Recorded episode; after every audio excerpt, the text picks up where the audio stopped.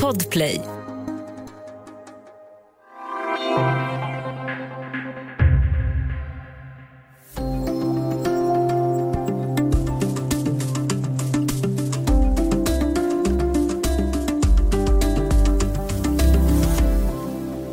En salva som smörjs in i axlarna och förhindrar graviditet. Ja, det är ett preventivmedel för män som testats med goda resultat i en ny studie.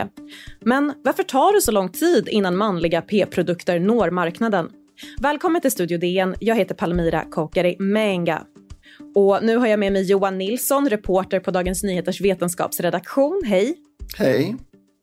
Johan, du har tittat på den här studien med den här salvan som ska hindra den som använder den från att göra någon gravid. Vad är det här för studie? Det är en internationell studie. Eh, sammanlagt ingår sju länder, eh, däribland Sverige. Studien sköts från USA och det amerikanska hälsovårdsdepartementet NIH som finansierar den. Mm.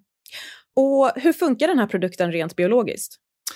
Eh, det är en salva eller en kräm som deltagarna får i en pumpflaska och den här salvan innehåller ett hormon, nesteron, som sänker spermieproduktionen så att eh, sädesvätskan bara innehåller en miljon spermier per milliliter. Mm. Då är man i, i praktiken steril.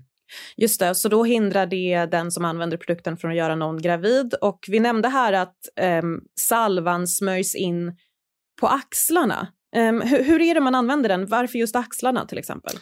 Ja, det, det var ett sätt för forskarna att få det standardiserat. I princip kan det smörjas in var som helst på kroppen, men forskarna valde axlarna därför att få det liksom lika över i alla länder och på axlarna var ett bra ställe där man kan smörja in det. Och de, de flesta har inte allt för mycket hår där och sådär. Mm. Och du har ju träffat paret Kim Hetander och Elvira Björnestedt som varit med i den här studien, i den svenska delen av studien. Mm. Och de har testat den här salvan i ett år ungefär. Vad tycker de om produkten? De tycker den är jättebra. Eh, han drabbades av humörsvängningar i början. Därför att den här salvan innehåller också eh, eller den här salvan, det här hormonet gör så att nivån av testosteron går ner. Eh, så då, då eh, kan man drabbas av humörsvängningar och man kan få eh, ångest och lite depression, alltså bli lite ledsen. Men hans nivåer gick upp snabbt igen så att nu, det här var det bara en kort, kort period och sen, sen dess har det gått bra. Mm.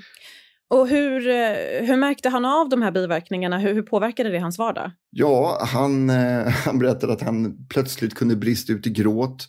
Om han satt på ett digitalt möte med jobbet och någon sa något så kunde han börja gråta över ingenting i princip. Eh, och det var hans flickvän som reagerade på, på de här humörsvängningarna för hon kände igen dem från när hon hade ätit p-piller.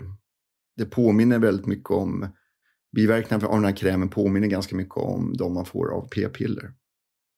Och vilka andra biverkningar kan uppstå förutom de som Kim märkte att han fick? Ja, en bit in i den här studien så, så drabbades han också av nattliga svettningar. Eh, han kunde vakna upp mitt i natten sjöblöt, ungefär som att han hade hamnat i klimakteriet. Men de biverkningarna klingade också av efter ett tag.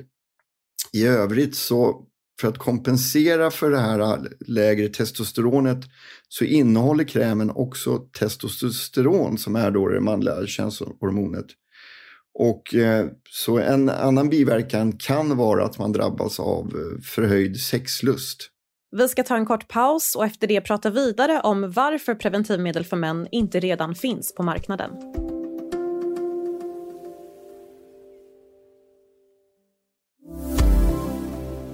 Du lyssnar på Studio DN idag om en p-kräm som hämmar spermaproduktionen och som testats med goda resultat. Och vi har med oss Johan Nilsson, reporter på Dagens Nyheters vetenskapsredaktion. Johan, det känns som att det pratats länge om att det är på gång ett hormonellt preventivmedel för män eller de som kan göra andra gravida. Hur har utvecklingen sett ut där? Ja, den har varit eh, svag. Det finns ju inga andra preventivmedel för män i princip än kondom. Eh, det har gjorts försök. Eh, man har läst om studier som har pågått men många av dem har lagts ner. Intresset från läkemedelsföretagen har varit svagt. Är fortfarande svagt. Eh, så att det här är den produkt som ligger längst framme i utvecklingen. Och, men även den kommer det dröja ett antal år innan den finns, eventuellt finns ute på marknaden. Mm. Och varför tror man att intresset är svagt från läkemedelsbranschen? Ja, det är en bra fråga. Ehm, jag antar att det har att göra med att företagen eh, gör krassa ekonomiska beräkningar och misstänker att eh, de inte tror att intresset kommer att vara så högt för män, en manlig eh, hormonell kräm. Och när det gäller utredningarna och, och, och det, och, och, när, det, när det tar tid, så att säga, um, hur går de här utredningarna till när man ska ta fram nya preventivmedel? Ja, i det här fallet så, så är det princip eh, exakt likadant som för vilket läkemedel som helst. Att man börjar först med en liten grupp i en så kallad fas 1-studie. Eh, där man tittar på effekt och, eller man tittar framförallt på biverkningar och acceptans. Och sen gör man en liten större studie, en så kallad fas 2-studie. Där man eh, tittar på eh, både effekt och biverkningar. Och sen till, till slut så gör man en så kallad fas 3-studie med betydligt fler människor och då tittar man framförallt på effekt. Och den här studien som, som man har, håller på att avsluta nu, det är då en fas 2-studie. Så nu håller man på och planerar för fas 3-studien. Mm. Du nämnde här innan att det i princip inte finns några andra preventivmedel eh, för män eller de som gör andra gravida idag än kondomer. Um, när det gäller utvecklingen av hormonella, hormonella preventivmedel för den här gruppen, finns det några andra typer som är på gång förutom den här krämen? Inte som jag har hört talas om. Jag har hört talas om tidigare studier men så vitt jag vet så har ett par av dem lagts ner i alla fall, framförallt på grund av bristande intresse. Men det är mycket möjligt att det finns någonting i pipeline som jag inte känner till. Så det ska jag låta vara osagt. När det gäller den här studien som, som nu är på väg in i fas 3 som du nämnde, vad visar resultaten hittills?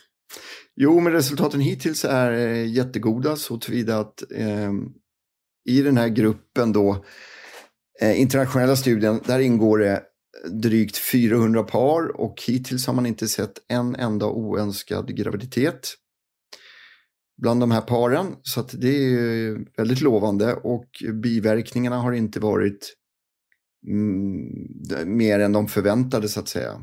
De förväntade är ungefär samma biverkningar som kvinnor drabbas av som äter p-piller.